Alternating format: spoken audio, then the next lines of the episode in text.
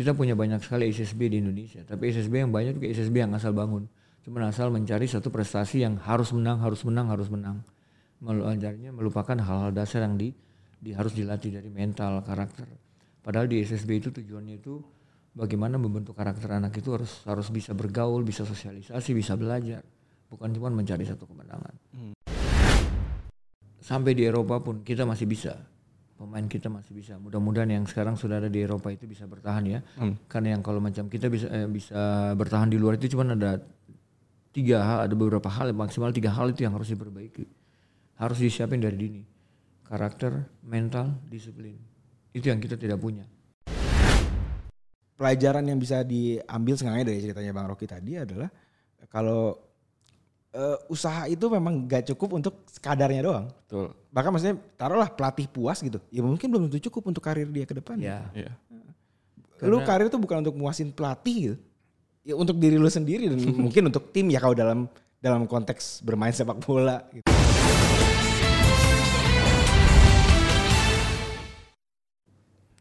Kembali lagi di Super Soccer Podcast. Masih bareng gua Rifki Randa dan juga Evan Simon, apa kabar Ban? Alhamdulillah baik. Setelah lama kita Tidak WFA ya, betul. kita bertemu akhirnya kita masuk kantor bareng lagi. Ngomong gue, gue belum tes loh. Tes apa? Ya tes swab rapid gitu. Makanya tes kalau kayak gue dong, tiap minggu gue selalu rapid. Tapi gue selalu dites sama Tuhan. Setiap hari itu dites. Yang penting ya tetap jaga olahraga kan, bener nggak? Lo olahraga nggak? Iya bisa dibilang olahraga lah. Naik turun tangga. Naik turun tangga di rumah. Oke. Ini kita udah masuk episode 38. Betul.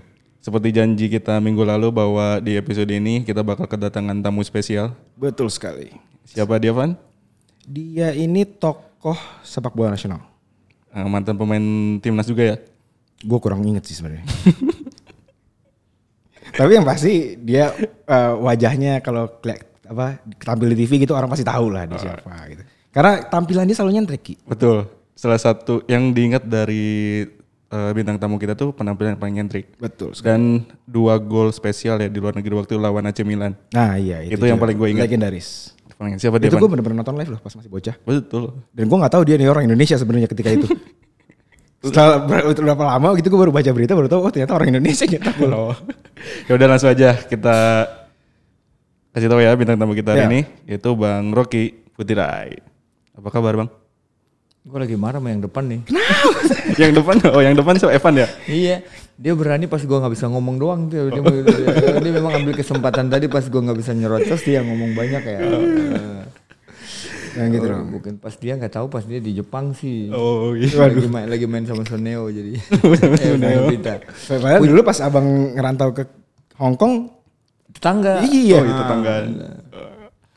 Ya apa kabar nih Bang Rocky? Puji Tuhan sehat, baik. Sehat terus Bang ya. Ya, amin. Lagi sibuk apa nih? Kalau sementara ini sih eh, masih tetap seputaran sepak bola, masih tetap juga ngurus usia dini anak-anak, ya Gelora Putra, terus yang tim lebih lebih lebih menjang itu timnas pelajar Kemenpora U16 yang lagi di Bandung. Hmm. Terus sama masih tetap dengan tim Jakarta 69 Nitro itu masih tetap. Masih jadi nggak jauh-jauh dari sepak bola lah ya. Ya masih seputaran. Eh, mungkin perlu dijelasin kali Ki, apa sih bedanya timnas eh, eh, U16 dan timnas pelajar yang kategori umurnya sama gitu? Yang lagi ditangani Bang Rocky nih. Kalau yang timnas yang ditangani oleh Bima itu kan itu yang dari federasi, yang memang itu event-event yang memang event yang ada dalam kalender PSSI. Tapi kalau timnas pelajar Kemenpora itu lebih banyak ke uh, pemain-pemain yang di mana diseleksi di dalam uh, satu turnamen yang dibikin sama Kemenpora. Terus itu ikut ajang-ajang tertentu setiap tahun saja, yang ada- cuma ada tiap tahun. Dan kebetulan timnas ini sudah dua tahun lah kumpul. Dalam arti 2018 mereka seleksi 2019 mereka ikut satu ajang bergengsi di Portugal Iber Cup. Mereka juara tiga. Oh, juara, juara tiga. Dan saya kira ini baru satu-satunya timnas pelajar Kemenpora yang tidak dibubarkan Hmm. karena yang setahu saya itu setiap timnas Kemenpora yang di, di apa namanya dibentuk setiap habis event pasti dibubarin. Hmm. Cuman ada tim ini aja yang tidak dibubarin dan dikumpulin sampai saat ini. Karena pada saat juara tiga eh, kita tim Asia ada. Asia Tenggara Asia satu-satunya tim yang bisa masuk ke final dan kita dapat juara tiga. Dan dapat juara tiga itu kita dapat satu tiket jadi seperti naik ke level elite jadi namanya Aber Cup Elite nah Aber Cup Elite itu harusnya bulan Desember ini cuman karena ada satu eh, wabah yang Ada COVID kita nggak bisa berangkat Hmm. Nah diundur jadi April nanti. Pada saat di April tapi kita sudah tidak ikut yang 16 tapi kita ikut Iber Cup Elite yang 17. Hmm. Itu di mana nanti, Pak? Masih tetap di Portugal. Oh, masih tetap di Portugal. Kalau saingannya di usia apa di masih kompetisi antar timnas pelajar ini negara mana Bang yang paling?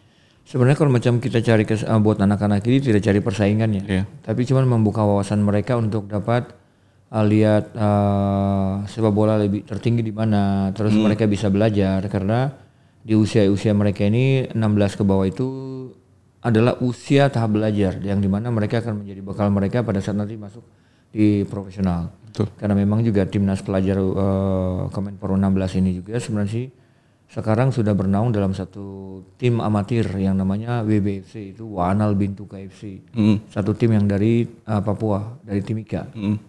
Ya kebetulan yang yang manajer atau manajemennya juga dari Timika dibentuk tapi karena ini masih menyangkut dengan usia dini ya mereka masih masih berkolaborasi dengan Kemenpora untuk itu. Tapi jenjang ke depan sih anak-anak ini mereka disiapkan sampai apanya mereka sudah punya kontrak kerja dengan WBFC itu sampai 2027 untuk Nah, tadi Bang soal eh, ngomong bahwa di usia 16 ini sangat krusial gitu dalam pembinaan. Eh, sebagai pelatih tuh bisa di-share nggak Bang? Karena kan mungkin nggak banyak yang tahu ya kalau eh, perbedaan latihan antara untuk anak usia U16 gitu atau mungkin dia ketika udah umur 20 dan mungkin udah di level senior gitu, perbedaan yang paling menonjol tuh apa sih? Sebenarnya perbedaan paling menonjol itu kalau dalam uh, usia dini itu uh, apa sih dibilang kita punya karakter ya. Karena pada saat contoh di SSB kita selalu tahu bahwa usia dini itu kita selalu juara, selalu juara, juara, juara, juara. Tapi pada saat senior kita tidak punya. Kalau maksudnya dalam hal, salah satu hal yang tidak bisa kita pungkir itu, kalau memang kita jujur, itu tidak mungkin. Kalau di usia senior kita uh, kalah. Tapi kalau macam memang dikilas secara secara jujur, kita pasti di usia dini kita banyak curi umur. Ya, jadi artinya pada saat usia 14 itu yang bermain 15 atau 16 tahun. Usia 16 yang main 17 atau 18. Itu itu tradisi dari kita yang harus dirubah. Terus untuk sebenarnya untuk anak-anak usia dini saat ini itu tahap belajar yang di mana dari 3, 14, 15, 16 itu pembentukan karakter mereka pada saat 17 mereka akhir balik. Ya, yang satu hal yang kita tidak dapat di SSB itu pada saat dilatih dengan benar. Cara passing yang benar, cara kontrol yang benar. Contoh kita lihat bahwa sekarang pelatih SSB banyak yang kalau saya saat ini berat, berat badan saya 65 yang di mana setiap gerakan saya harus kasih contoh ke anak-anak bagaimana mereka harus benar benar passing body shape cara berdiri tapi kalau kita lihat juga banyak pelatih SSB yang sekarang yang timnya selalu juara itu bobotnya dua kali lipat dari saya timnya bisa eh bukan timnya bisa juara. Artinya berarti ada yang salah. Serang saya yang tiap hari untuk dengan semua cara passing kolong passing segala macam saya harus kasih contoh secara detail aja susah. Bagaimana pelatih yang punya bobot badan dua kali lipat atau tiga kali lipat dari saya timnya bisa juara. Mm-mm. ya sedang di usia dini itu bukan bukan hal gampang untuk melatih satu sistem bermain dengan benar pola bermain dengan benar cara eh, teknik dasar yang benar ya. Itu susah. Susahnya karena memang eh, dari dulu kita tidak pernah dapat. Bedanya kita dengan negara-negara Eropa bahwa mereka sudah dilatih 6 sampai 9 itu masa bermain sampai 10 itu bermain. Nah, berarti maaf saya potong. Dari dulunya itu berarti bukan soal waktu, Oh, oh. ya tapi soal umur. Jadi maksudnya sampai sekarang pun? Sampai sekarang pun masih. Kenapa lihat di timnas 19 Sintayong harus balik dari dasar. Hmm, Nah, iya, iya. itu yang dasar-dasar yang memang dasar benar kita tidak dapat di kita punya banyak sekali SSB di Indonesia, tapi SSB yang banyak juga SSB yang asal bangun. Cuma asal mencari satu prestasi yang harus menang, harus menang, harus menang. Meluancarnya melupakan hal-hal dasar yang di, di harus dilatih dari mental, karakter. Padahal di SSB itu tujuannya itu bagaimana membentuk karakter anak itu harus harus bisa bergaul, bisa sosialisasi, bisa belajar. Bukan cuma mencari satu kemenangan. Nah, memang eh, ki- kalau memang kita membahas soal pembinaan usia muda sebenarnya kan memang bukan cuma soal teknik ya. Ya. Iya. Soal mental itu menjadi penting gitu. Mental dan menurut saya yang terutama kedisiplinan. Mungkin abang sendiri yang apa karirnya memang udah sepak bola gitu dari muda mungkin bisa diceritain gitu. Sebenarnya yang eh, kalau di sampai di Eropa pun kita masih bisa. Pemain kita masih bisa. Mudah-mudahan yang sekarang sudah ada di Eropa itu bisa bertahan ya. Karena yang kalau macam kita bisa eh, bisa bertahan di luar itu cuma ada tiga hal, ada beberapa hal maksimal tiga hal itu yang harus diperbaiki. Harus disiapin dari dini. Karakter, mental, disiplin. Itu yang kita tidak punya. Artinya pada saat kita punya karakter, kita punya mental, kita punya disiplin, pasti kita bisa beradaptasi dengan lingkungan di mana pun kita berada. Itu pasti bisa bisa bisa hasil pasti maksimal maksimal kita bisa dapat. Dan hal itu tuh yang tadi abang bilang itu eh, ketika abang masih aktif bermain pun terasa di level senior. Masih. Ya, artinya kalau macam pada saat kita sudah punya karakter dari usia dini, kita sudah dilatih dengan benar, kita sudah dilatih mental yang benar, terus kita punya disiplin yang benar. Di usia senior kita tidak akan mengalami satu kendala yang yang yang berarti karena kita sudah disiapin dari kecil. Contoh kalau kita lihat bahwa banyak sekali pelatih yang komplain dengan apa yang dibikin Sintayong. Apa yang dibikin Sintayong itu saya sudah dapat pada saat zaman Anatoli Polusin. Ya, ya bagaimana kita juara SEA Games 91 Jadi sebenarnya harus dijelasin itu bukan hal baru gitu bukan ya. hal baru sebenarnya bukan hal baru yang di, di, di- dirasain sama pemain Indonesia tidak artinya dua dua karakter pelatih yang berbeda dengan Luis Milla dengan mengajar uh, sebenarnya kalau Luis Milla yang saya lihat itu bukan mengajar bermain bola tapi dia merubah karakter pemain kita merubah cara berpikir kita merubah mindset pemain kita bermain dengan uh, potensi yang ada kamu punya dia ajarin uh, secara pribadi itu dia bertolak uh, bukan bertolak belakang dengan apa yang kita punya didikan ya tapi dia berusaha menggali potensi yang paling dalam dari pemain untuk uh, berkomunikasi berpikir berkomunikasi berpikir ber- itu. Tapi di Sintayong di sini dibilang saklek. Ini begini begini begini. Dan banyak pada saat awalnya kan banyak tuh yang komplain Ya. terutama itu ada grup-grup uh, grup-grup di WA itu grup-grup pelatih yang maksudnya tidak dapat kesempatan untuk Ada janjian dibocorin. Ah, ya, grup-grup itu jadi Dari musuh mulu. Uh, tapi bukan sebenarnya bukan cari musuh tapi uh, rata-rata uh, semua semua uh, narasumber yang ada di Indonesia itu cuma mau cari satu satu kelemahan orang bukan mau memperbaiki Oh ya. bukan mencari kasih solusi tapi apa sih masa cuma latihan fisik fisik fisik tapi uh, dia tidak tahu dasar kita sebenarnya kelemahan kita apa jadi sekarang kita punya uh, kita mau bikin teknik kalau kita nggak punya kondisi yang bagus ya teknik juga tidak mungkin keluar artinya pada saat kita melakukan satu satu passing dengan 100 kali kita tidak akan punya dapat passing yang benar dengan stabil kalau otot kaki kita tidak mampu untuk berdiri dengan benar. Jadi satu kali ayunan itu dengan dengan frekuensi yang sama, bobot yang sama, semua tetap sama kayak per begitu ya, dan otomatis sudah begini. Kalau kita kita tidak punya kondisi yang bagus, otot kaki yang bagus semua, itu tidak mungkin bisa dapat dengan kualitas yang sama. Pasti berubah-ubah. Nah mungkin itu yang dibentuk Sintayong dan itu juga yang saya rasain pada saat 91. Satu hari tiga kali kita sudah saya sudah ngerasain itu.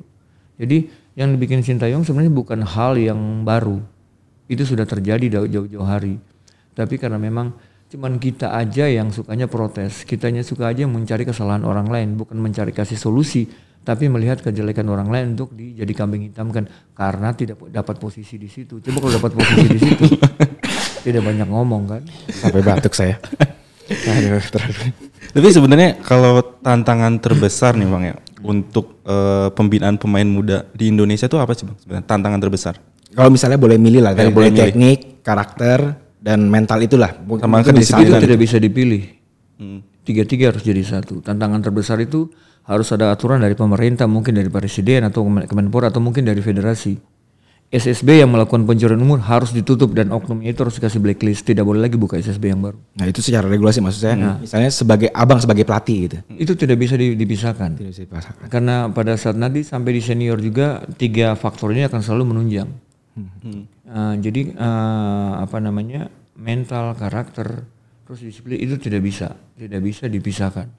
Karena pada saat kita tidak punya mental, karakter kita tidak akan keluar. Kita tidak punya karakter, pasti kita tidak punya disiplin. Kalau Jadi uh, da- nah, makanya di usia dini paling penting itu tiga itu bentuk karakter, bentuk mental, bentuk disiplin. Dan artinya pada saat tiga ini sudah sudah terbentuk, uh, yang ada di pemain kita saat ini masih 60 sampai 80 persen itu saya mau bikin yang saya mau. oh oke. Jadi saya mau bikin begini dengan hal yang salah juga tahu salah ya saya tetap mau bikin. Tapi mereka belum menyadari apa yang saya butuhkan untuk bikin saya jadi seorang pemain hebat. Yang mereka belum sadarin itu. Jadi kalau misalnya tiga, tiga prinsip ini sudah mereka uh, bisa pegang kuat, itu pasti mereka akan bisa berpikir lebih dewasa bahwa sebenarnya saya mau keluar malam saya tidak butuh kok. Hmm, Jadi kebandel kebandelan kebandelannya remaja itu ketahan sendiri ya, gitu ya. karena dia tahu apa yang dia butuh, bukan dia yang dia mau. Jadi itu yang kita kurang. Usia dini kita yang tidak tidak dilatih, tidak diajarkan untuk memahami hal-hal seperti itu. Nah sebenarnya yang menarik Ki, eh, Bang Rocky ini melatih eh, squad yang satu satu umur, satu satu apa? ya, Satu level umur, satu level umur dengan anak-anak Garuda Select. Oh iya, yang kemarin baru selesai seleksi. Betul, yang eh, untuk angkatan ketiga dan akan berangkat ke Inggris pada tanggal 20 November. Nah, eh, kalau menurut Abang sendiri gitu, sebenarnya nih kita kan udah tahu ada banyak gitu eh, dari dulu ya sejarahnya program-program mengirimkan anak muda Indonesia ke luar negeri. Mungkin yang paling tenar Primavera, Primavera. jelas. Ada Kemudian juga SAD, SAD. gitu yang juga agak sedikit masih baru dan terakhir ini Garuda Select gitu. Eh, abang sendiri melihat Garuda Select ini dengan eh, sebenarnya kan Garuda Select kalau kita lihat lebih konsisten dibanding Primavera Karena dan dibanding berturut-turut tiga tahun Betul. berturut-turut. Eh, dan dibanding si SAD gitu. Dan mungkin secara jadwal pertandingan segala macam jauh lebih teratur dan ab- menurut Abang eh, sebenarnya ketika kita mengirimkan eh, pemain muda kita ke luar negeri untuk berlatih eh, apa aja sih sebenarnya yang harus mereka terima selain selain di luar yang teknik segala macam itulah karena kita tahu mungkin di sana fasilitas teknik pasti jauh lebih eh, standarnya lebih tinggi dibanding kita. Kalau standar fasilitas teknik lebih tinggi dari kita tidak. No, menurut abang tidak. Sama, karena di sepak bola tetap sama. Kamu punya passing, kontrol, passing, kontrol, passing, kontrol itu tetap sama. Tapi kalau macam skill yang kita punya juga pemain Indonesia juga punya banyak. Tapi sebenarnya standar yang lebih tinggi itu dari eh, SDM itu sebagai seorang pelatih ataupun instruktur yang ngasih itu lebih tinggi karena mereka lebih tahu, lebih mengerti apa yang dibutuhkan untuk anak dengan disiplin segala macam itu mereka sakral dengan dengan itu yang mereka bikin dan mereka bisa berhasil. Tapi kalau di sini kita kurang, ya. Dan ada misalkan ada pelatih-pelatih yang bikin seperti itu pasti jadi cemoohan. Contoh eh, satu tim yang saya bawa saat ini timnas pelajar Kemenpora, ya. Ya mungkin juga, eh by the way kan kamu kemarin kerja di Menpora kan Evan ya? Ya lama kan ya? Amat. Nah, jadi maksudnya maksudnya maksudnya kamu tahu bahwa segala sesuatu yang yang dibikin dengan itu kan pasti selalu bubar. Selalu bubar. Ya, itu selalu cuma satu event bubar. Beres. Satu event beres karena ah, kasarnya cuma menghabisin dana lah kayak begitu. Tapi yang tim ini tidak. Itu yang saya bilang satu langkah yang baru dan di mana itu jadi jadi pembicaraan banyak orang. Artinya mungkin kamu sering lihat di abang punya sosial media bahwa dalam masa covid itu semua semua tim libur tanpa kecuali timnas juga libur semua libur. Tapi kita tetap berlatih. Ya, saya lihat. Ya. Artinya eh, kita mau bikin sesuatu yang baru bahwa kita tidak cuma berpangku tangan untuk meminta meminta bantuan dari pemerintah. Maksudnya artinya eh, saya juga dapat eh, saya sebagai pelatih juga dapat dapat pelajaran yang berharga dari saya punya manajemen. Ya. Bahwa eh, saat ini memang eh, pemerintah juga sudah bantu dengan berbagai cara untuk bagaimana bikin sepak bola untuk jadi maju. Jadi kita yang ya, kita ditunjuk stakeholder untuk membantu dan saya dapat dapat pelajaran yang ber ya, pada saat ini kita juga tidak ada bantuan dari pemerintah siapa pun. Ya pemerintah tidak bantu kita dalam arti ah, masalah finansial segala macam itu jalan sendiri dan sampai saat saat ini yang mau dibentuk itu seperti itu. Jadi kan banyak banyak dari operator-operator yang menjalankan sesuatu. Contoh top score apa siapa nih yang banyak sekali itu yang memang butuh bantuan segala macam. Kalau tidak ada bantuan dari pemerintah tidak bisa jalan. Bukan cuma pemerintah kita punya askap askot segala macam. Kalau tidak ada bantuan dari dari federasi mereka tidak bisa jalan. Nah, Liga 1 suratin segala macam.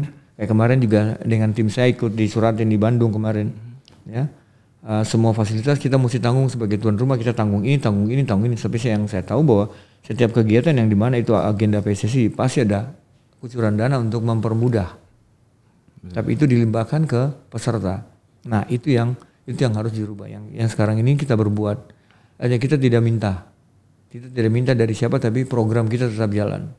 Ya, Ah, itu yang mungkin mungkin bisa saya gambarkan dengan ah, yang Garuda Select ini. Nah contoh ah, saat ini saya baru pulang dari Medan juga untuk bukan mau soan tapi kemarin saya ke Medan itu ke Tapanuli kita memang sengaja ke pelosok kita kemarin bikin di Garut kita, TC-nya. dap- ah, kita datang undang, kita diundang dari Garut, tapi kita tidak minta bayaran. Kita datang sendiri dengan semuanya biaya sendiri. Kita sampai di Garut, kita seleksi ada dua pemain, kita kita umumin, kita kasih kesempatan untuk coba. Terus di Tapanuli lagi kemarin ada tiga pemain. Ya, tapi kalau eh, soal mengirim tim-tim apa anak muda luar negeri gitu yang seperti yang dilakukan Garuda Select, menurut abang sendiri lah gitu sebagai mantan pemain, Sebenarnya eh, kita tahu bahwa di sana juga pun mereka sebenarnya di tempat tuh udah ya lu jauh dari keluarga, eh, lingkungan lingkungan yang baru gitu kan yang mungkin asing banget dengan dengan Sebenarnya tropisnya semua- kita. ah, yang yang harus yang tadi kamu kan kemudian apa saja yang mereka harus dapatkan. Nah, yang dapatnya itu tentang apa? Jadi kalau macam abang sebagai pemain, saya tidak berpikir panjang. Saya akan berangkat dan saya akan mencari apa yang yang saya butuh di sana. Jadi saya mempersiapkan diri saya, makanya tadi saya bilang kalau pada saya sudah punya disiplin, karakter, saya punya mental, ini saya akan dapat banyak hal di sana. Dan uh, banyak hal itu uh, latihan dengan benar, bermain bola sepak bola dengan benar. Semuanya itu um, persentase benar itu akan lebih banyak daripada persentase yang salahnya. Dan itu akan sangat membantu dia pada saat walaupun dia tidak bisa bermain di Eropa, dia akan bisa bermain di Liga Indonesia itu akan lebih mudah. Satu, karena uh, kalau sepak bola sih sebenarnya bukan bukan masalah masalah teknik skill ya, tapi bagaimana seorang pelatih meramu, bagaimana seorang pelatih membuat menciptakan uh, timnya itu bisa menjadi solid. Oh, di- berdasarkan karakter-karakter yang pemain itu punya. Nah, itu yang kita tidak punya. Jadi pada saat pemakai contoh uh, Sintayong memang bilang benar kok. Memang coba kamu lihat eh, berapa banyak sih tim Indonesia pada saat TC di luar negeri bisa mengalahkan tim-tim luar negeri atau apalagi tim-tim Eropa dengan berturut-turut seperti itu. Iya. Oh, enggak ada. Nyatanya memang kita mampu. Memang kita mampu, tapi memang pada saat kita melakukan sesuatu yang baru itu orang selalu pandang sebelah mata. Nah, tapi paling nggak dengan apa yang Sintayong bikin ini memang jalannya benar. Nah, tergantung pemain ini bisa bertahan apa tidak. Dia punya mental, dia punya karakter bisa bertahan apa tidak. Ya, karena memang semua itu kan butuh proses. Dan maksudnya proses yang dibikin sama Sintayong dan proses yang dibikin si Luis Milla kan dua cara yang berbeda. Tapi di Luis Milla itu juga punya prestasi. Prestasi yang di mana mereka bisa tembus di Asian Games bermain dengan baik semua.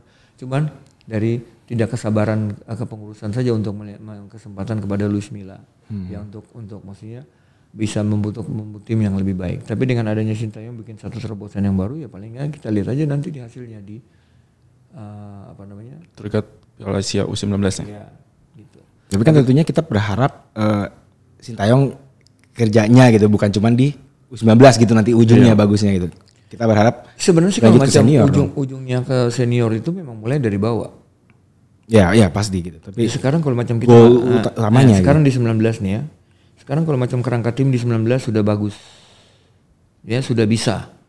Enggak mungkin kerangka tim ini akan dibuang di senior. Dia pasti akan bawa kerangka ini ke atas. Iya.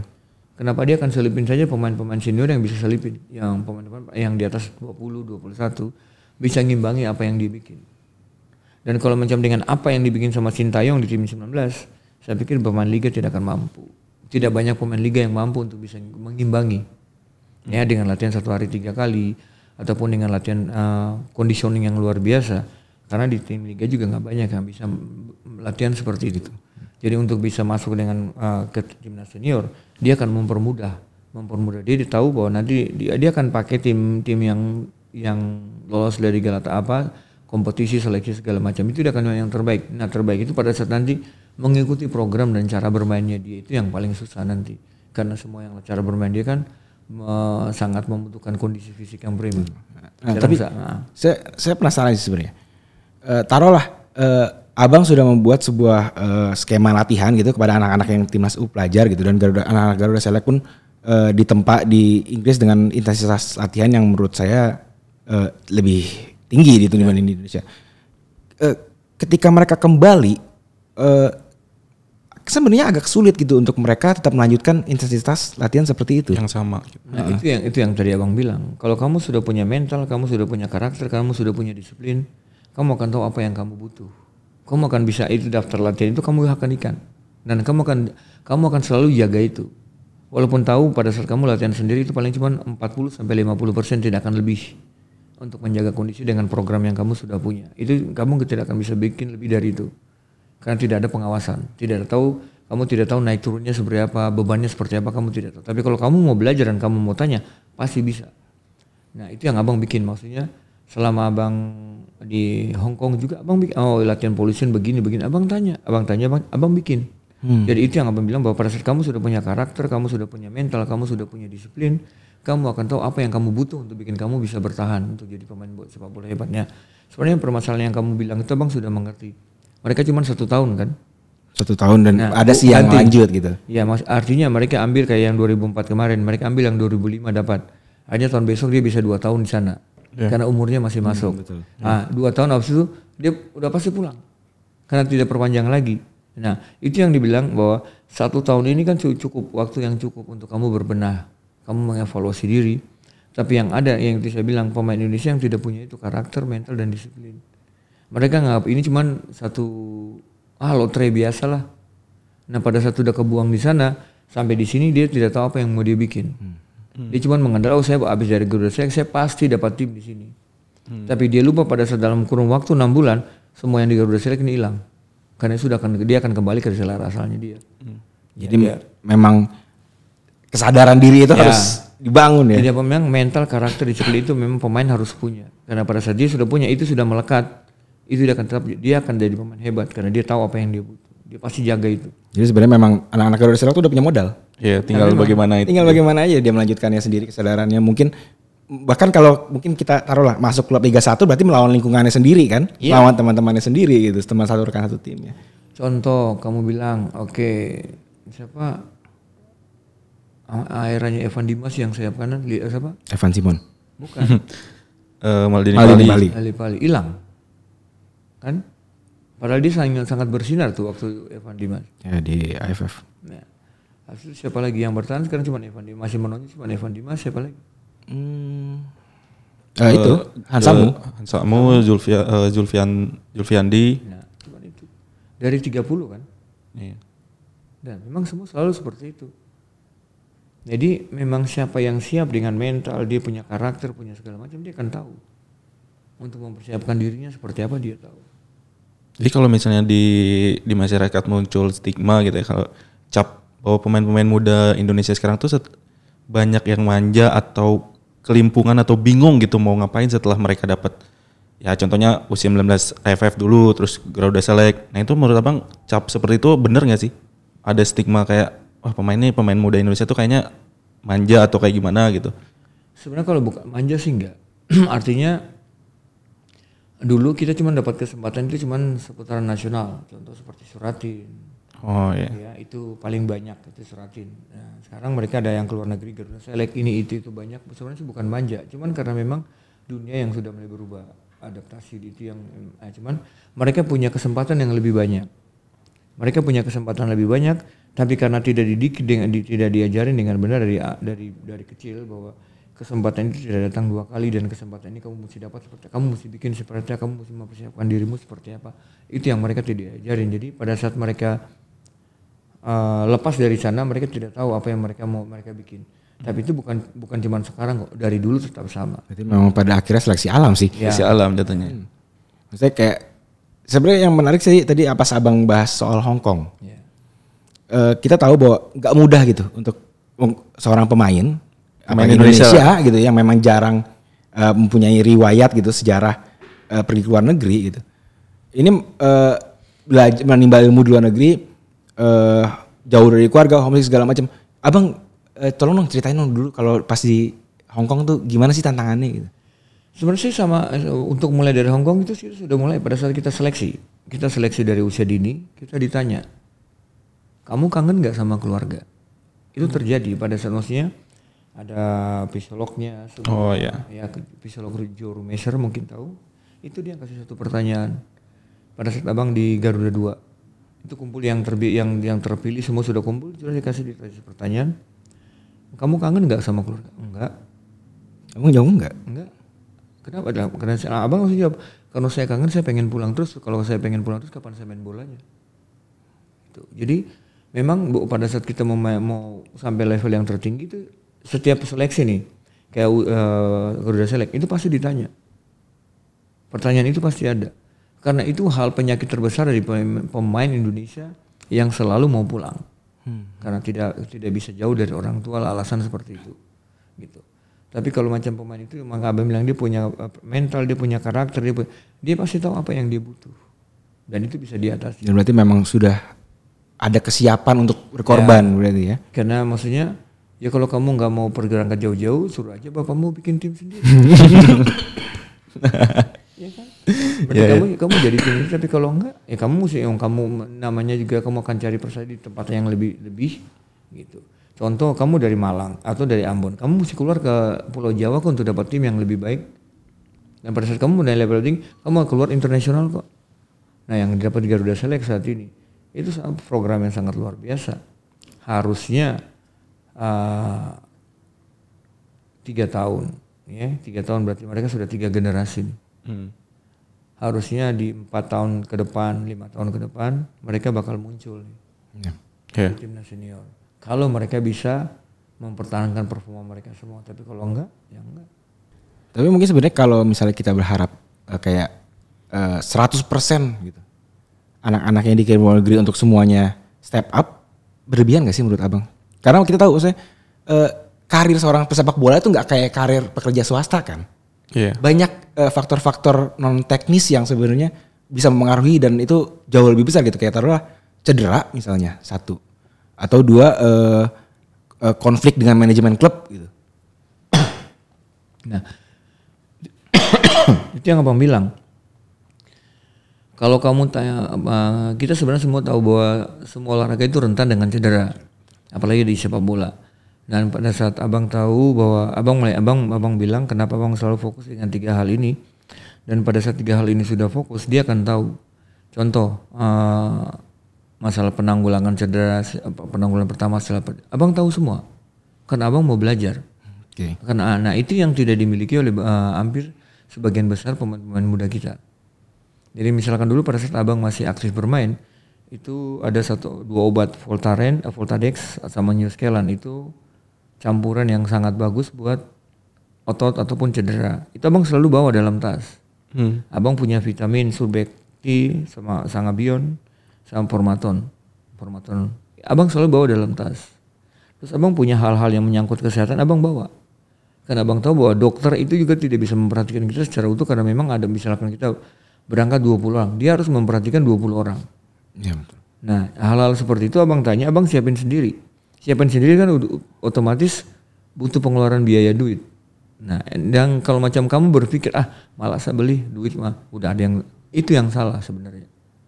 Sekarang kamu dibikin kamu sehat, kamu punya gaji besar, masa sih udah hal kecil seperti aja kamu tidak bisa talangin. Nah, hal-hal seperti itu yang sebenarnya yang memang kita kurang. Jadi pada saat kamu tahu semua seperti itu untuk mempersiapkan kamu seperti apa yang bilang, kamu tahu apa yang kamu butuh. Sebenarnya itu kendala terbesar di pemain Indonesia. Bang, beda kelas lah Bang Rocky ini lah. gua kalau main bola cuma bawa counterpen. Bu- Sebenarnya sih memang memang uh, kayak kayak contoh saat nih uh, hari Jumat ini, abang mungkin uh, tahu Benny. Uh, abang abang juga kenal dari Marbun ya, Uh, salah satu master yang uh, fisioterapi yang ada di Persib Bandung. Ya, Saat ini ada beberapa pemain yang cedera abang bawa ke dia. Nah, dia dia menawarkan diri bang, siapin aja waktu. Nah, tolong ngomong sama manajemen tim. Saya, saya mau meluangkan waktu untuk berbagi ilmu saya untuk bagaimana pemain-pemain bisa penang penanggulangan cedera pertama pada saat pemain ter- terkena. Dia mau kasih nanti hari Jumat ini. Jadi hal-hal seperti itu yang abang cari, abang cari untuk kasih tahu ke pemain. Nah, karena memang edukasi-edukasi seperti itu yang kita tidak tidak dapat pada, pada saat abang zaman abang bermain, abang tidak dapat. Tapi pada saat abang kayak di abang dulu punya masyur dari Cekoslowakia. Abang tahu, abang tahu minum whisky, alkohol itu dari itu masyur ini. Umur berapa itu Bang? Mana di RC itu di Garuda 2 lah itu. Itu setiap satu minggu, satu minggu itu dua kali abang dikasih. Itu whisky campur mentega. Ya, itu minum. Untuk? Jadi cuman uh, minum sloki. Jadi pada saat kita dalam latihan capek, kenapa di Eropa itu pemain su- suka-suka minum karena suhunya uh, suhu di sana dingin. Mereka mem- mem- butuh sesuatu yang membuat suhu badan mereka naik untuk jadi buat uh, Metabolisme. sirkulasi, sirkulasi darah pada saat apalagi capek. Nah, abang selalu dikasih tiap tiga hari, tiga hari latihan itu dikasih satu sloki. Tiga hari latihan itu dikasih sloki. Artinya cuman satu sloki karena cuaca kita di sini panas, jadi panas saja. Itu pasti keringat keluar. Nah, pada saat keringat keluar itu pem- uh, pembuluh darah atau sirkulasi darah itu kan lancar. Nah, itu tandanya ya udah normal. Nah, itu abang tahu, abang tanya terus "Ah, buat ini apa? Ini apa? Ini apa? Obat ini buat obat ini buat apa? Ini abang tanya. Abang simak udah oh jadi abang coba semua obatnya yang dikasih eh, rekomendasi sama dia. Oh, ini yang cocok. Ya udah saya simpan. Jadi sesuatu obat yang kayak vitamin. Orang bilang vitamin yang enggak, saya enggak cocok dengan vitamin. Ini saya cocok dari ini sama ini, ini dari abang mulai main sampai sekarang abang pakai.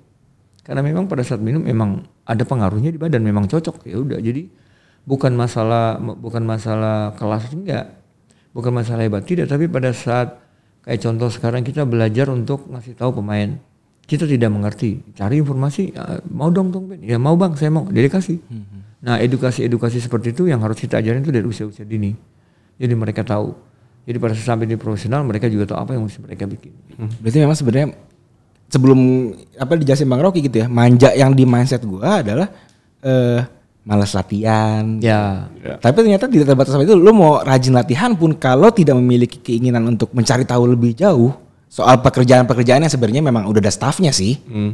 gitu ya artinya sama aja tanda kutip lu manja gitu. ya jadi bukan hanya cuman ilmu nendang bola aja bang ya, ya. ya ada ilmu-ilmu yang lain gitu kan jadi ya. contoh kita lihat uh, di Indonesia di liga pada saat dia bilang hamstring yeah.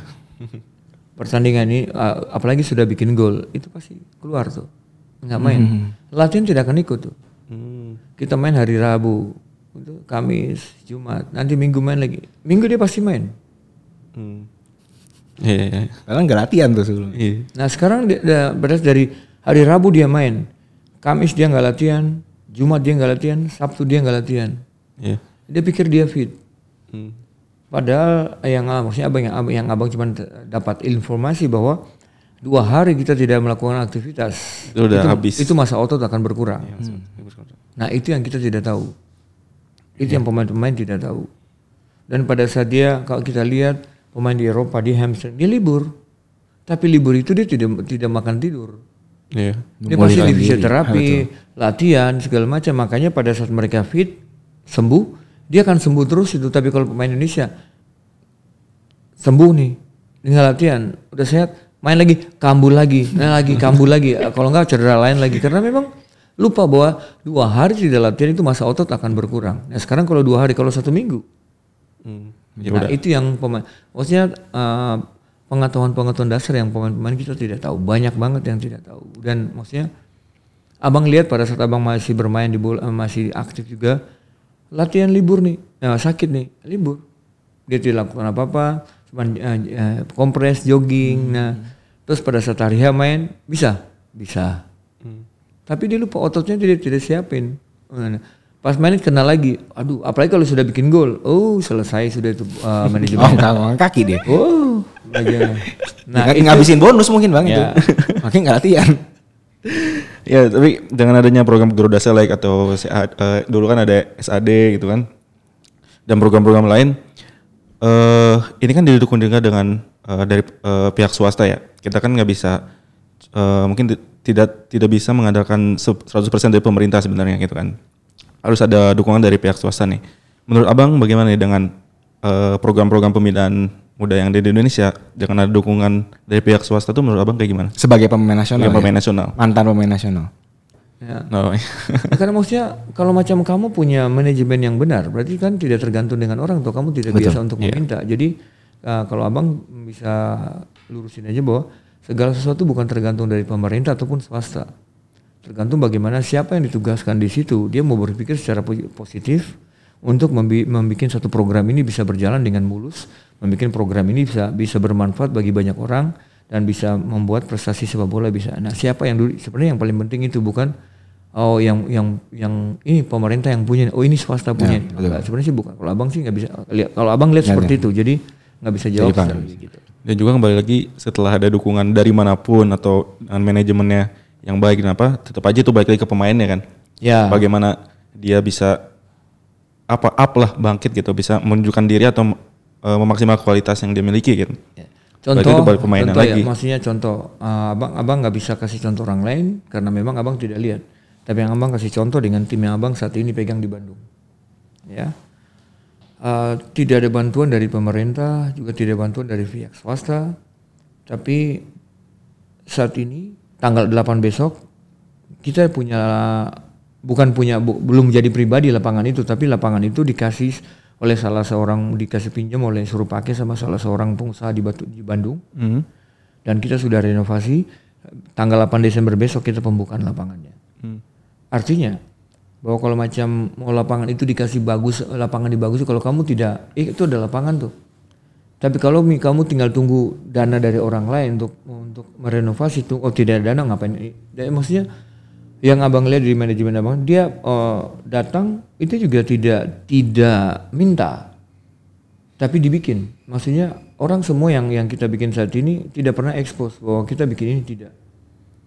Tapi orang tahu bahwa sekarang yang kita bikin ini banyak hal yang orang sudah mulai lihat.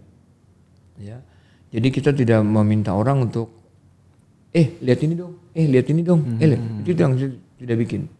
Kita jalan aja tuh. Jadi fokus ke diri sendiri Ya, aja gitu. jadi kita bikin pada saat kita membuahkan hasil kan pasti orang malah lihat. Hmm, Nah pada saat orang lihat contoh di klub, pada saat kamu bikin sesuatu yang bagus, tim bagus segala macam, penonton eh, penuh segala macam, pasti pemerintah setempat juga akan bantu. Pemerintah setempat akan bantu, pasti perusahaan swasta juga akan bantu. Iya. Karena mereka kan sama-sama mau cari untung. Pada saat saya sponsor ke kamu, habis itu saya saya bikin saya punya sponsor kan cuma nama keluar ini semua saya abang tidak tahu cara kerjanya tapi pada saat dia sponsori kan cari timbal balik. Pemerintah juga kan cari timbal balik. Nah kalau macam pada saat itu semua pemerintah ataupun swasta juga ikut campur dalam itu, tapi di manajemen yang tidak bisa dikelola dengan benar, bagaimana tim itu bisa prestasi? Ya, jadi yang kita bahas dari tadi dari awal itu eh mungkin pesan-pesan lah buat pemain-pemain muda yang ada di luar sana yang sedang mungkin nanti Garuda Select bakal berangkat ke Inggris lagi terus dari eh, eh, apa pemain-pemain yang sedang abang bina sekarang atau pemain-pemain muda yang di mana pun eh maksimalin diri kalian gitu ya, Ya, betul. maksimalin diri kalian atau maksimalin kesempatan kalian untuk mendapat ilmu Ya, dengan apa yang sekarang tuh banyak loh pembinaan-pembinaan gitu kan pemain muda. Kalau misalnya lo semua nggak bisa manfaatin itu yang Rugi lo sendiri. rugi lo sendiri. Sa- dan salah lu sebenarnya. Iya, sadar- jangan salahin orang lain lagi. jangan jangan selain swasta ataupun pemerintah Pemerintah yang gitu. Jadi pada saat kamu dapat kesempatan, manfaatinlah kesempatan itu dengan benar untuk belajar. Betul. Belajar artinya bukan cuma belajar sepak bola, tapi belajar bagaimana memanage diri. Contoh salah satu yang dari mulai ada sepak bola Indonesia sampai sampai sekarang ini, yang abang cuma tahu satu orang pemain pemain yang bisa memanage diri cuma Bambang Pamungkas. Hmm. Itu yang abang mesti, maksudnya pemain-pemain misalkan mereka mau belajar tanya sama dia. Karena yang abang tahu uh, semua pemain pada saat pergi dari abang mulai masih bermain sama dia sampai pensiun, dia mungkin salah satu satu satunya pemain yang selalu pergi dengan laptop, Hmm. yang selalu buka laptop untuk belajar, cuman dia. Jadi mau belajar bahasa Inggris, cara bicara semua cuman dia. Jadi maksudnya itu uh, abang tahu itu juga sudah terlambat. Artinya dia tahu semua dia main berapa kali, ya, main di timnas, semua dia punya data komplit tentang pribadinya dia. Nah itu yang harus pemain-pemain pemain generasi sekarang harus belajar seperti itu. Apalagi dengan dunia modern saat ini, IT yang tinggi, mereka belajar. Kamu punya uh, bisa IT, kamu akan bisa mengakses semua itu dengan mudah. Jadi belajarlah untuk itu, untuk mempersiapkan memanage dirimu dengan lebih baik. Uh, kalau memang abang nggak tahu caranya, tapi uh, salah satu pemain yang terbaik untuk memanage diri itu Bambang Bambang Pamungkas. Seru banget ya. Seru banget. Emang gokil lah kalau ini orang. Apaan? ya maksudnya cerita-ceritanya tuh selalu mendorong orang tuh untuk oh iya bahwa eh, yang bu- yang kenyataannya tuh sebenarnya ada lain gitu loh, ada layer lain Iya, lain ya. Kayak, kayak tadi kan kayak soal yang malas itu aja, mindset malas aja. Eh, ya menurut gua gua udah berubah gitu. Dan eh, pelajaran yang bisa diambil sengaja dari ceritanya Bang Rocky tadi adalah kalau eh, usaha itu memang gak cukup untuk kadarnya doang. Betul. Bahkan maksudnya taruhlah pelatih puas gitu. Ya mungkin belum tentu cukup untuk karir dia ke depan. Ya. Iya. Lu karir tuh bukan untuk muasin pelatih gitu.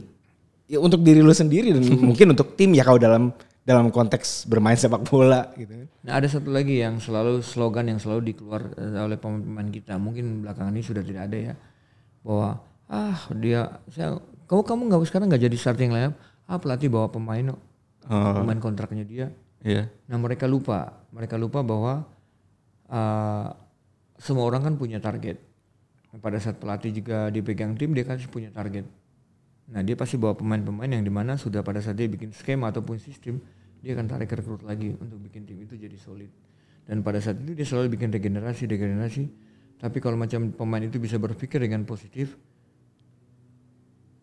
kok dia mau dia bisa ya kok saya nggak bisa ya Oh, Nah, artinya yang belum. ah, saya harus belajar oh pelatihnya ini maunya seperti ini Ya. saya harus berusaha merubah apa yang saya punya saya harus berusaha untuk ngikutin apa yang dia punya jadi artinya berusaha untuk untuk untuk beradaptasi dengan apa pun yang terjadi akan membuat kamu bisa cepat Betul. Jadi nanti buat pemain-pemain muda yang di luar sana jangan kayak gue Van ya. Gue ini salah satu pemain yang gagal bang. ya, jangan, ya, kayak Evan aja nggak Ya, kayak apa-apa Evan. Hei, gue udah main bola dari dari Februari nih. Hei, tapi kan main main terus ya Oh, streaming terus gitu. Karena gue ngedengar cerita dari bang Rocky tadi, dia kayak gue ngerasa "Wah, anjir gue emang salah dari dulu. Gue salah satu pemain gagal juga sih bang. Dulu pernah main di divisi, dulu masih ada divisi 1, divisi 2 kan. Gue tuh pernah main divisi 2 juga. Terus Liga Pro Futsal juga. Ya sampai sekarang nggak jadi apa-apa gitu karena ya tadi gua, yang bang Rocky cerita yang nggak gue lakuin gitu loh. Ya udah setelah latihan main, ya udah gitu aja kayak dapat uang, oke main gitu gitu. Nggak benar-benar nggak dilakuin apa yang buat tunjukin kualitas gitu. Ya buat pemain-pemain di sana- muda di sana yang lagi dengar podcast kita sekarang nih sama Bang Rocky, ini ilmu yang sangat bermanfaat. Betul. Oke, Oke, cukup Anda, Bang Rocky. terima kasih banyak atas kesediaannya hadir di podcast Super Soccer. Betul sekali. Mudah-mudahan ada kesempatan lagi kita ngobrol bareng-bareng ya, Bang. nanti kunci tahun lagi akhir tahun satu lagi baru Sensi banget. ya kan sudah ini sudah eh, ke 30 ya Iya, Nah, sudah 38. 38 38 wah bener-bener loh padahal tiap hari whatsappan loh Wah, Tiap hari. Tiap hari whatsappan sama abang ini ini ini ini yang kita bikin baru nih bang. Ini bagaimana? Kurang kurang lebihnya seperti apa nih bang? Iya. Dia buka rahasia dapur ini. Ah, ampun gua. Enggak, bang. Abang di mana sih? Kalau udah lama Jelas aja diundangnya 30 episode sekali. Bukan rahasia dapur sekali diundang. Nah, gimana ya Bu? tiap hari WhatsApp. Ini sudah 38 dan ntar lagi ntar lagi Desember ntar lagi 2021 baru diundang sama dia. Wah benar-benar loh kecuali kalau kita nah kalau abang sama dia nggak pernah ketemu nggak pernah WhatsApp ya wajar nggak tahu dia kerja di sini lo Tenang, wah, tenang, tenang, wah, tenang, benar-benar tenang. Ada lagi. nah nggak nggak nggak lu benar-benar nggak mungkin. Pasti pendengar juga pada pengen kan? Iya. Dengar lagi kan eh, si Bang Rocky marah-marah gitu kan. marah-marah. iya, Bang Rocky apa yang capnya utamanya? Marah-marah. Marah-marah tapi ada ilmu yang disampaikan. Saya kan ini podcast tuh gak ada gambar dia lagi nunjuk-nunjuk gitu. ya. Kayaknya dia tuh gitu. Kita dari tadi tuh ditunjuk-tunjuk pada. Iya, jempol telunjuk itu tuh. Oke. wah bisnis nyoblos di mana Oke Bang Rocky sekali lagi terima kasih buat teman-teman eh, yang ada di rumah tetap jaga kesehatan Van ya. Jangan lupa juga kita bisa nonton pertandingan eh, Premier sepak- League. Premier League akhir pekan ini ya. Akhir pekan ini Bundesliga balik lagi. Terus nanti juga ada liga-liga Belgia juga kan. Terus Dan sama Yang pastinya harus ditunggu Garuda Select. Oke, Bang Rocky terima kasih. Siap, sama-sama. Sampai ketemu lagi nanti ya. Oke. Oke Van, terima Sampai kasih jumpa Van. di episode berikutnya. Betul, 39. Ya. Bye-bye. Bye bye. bye selamat sore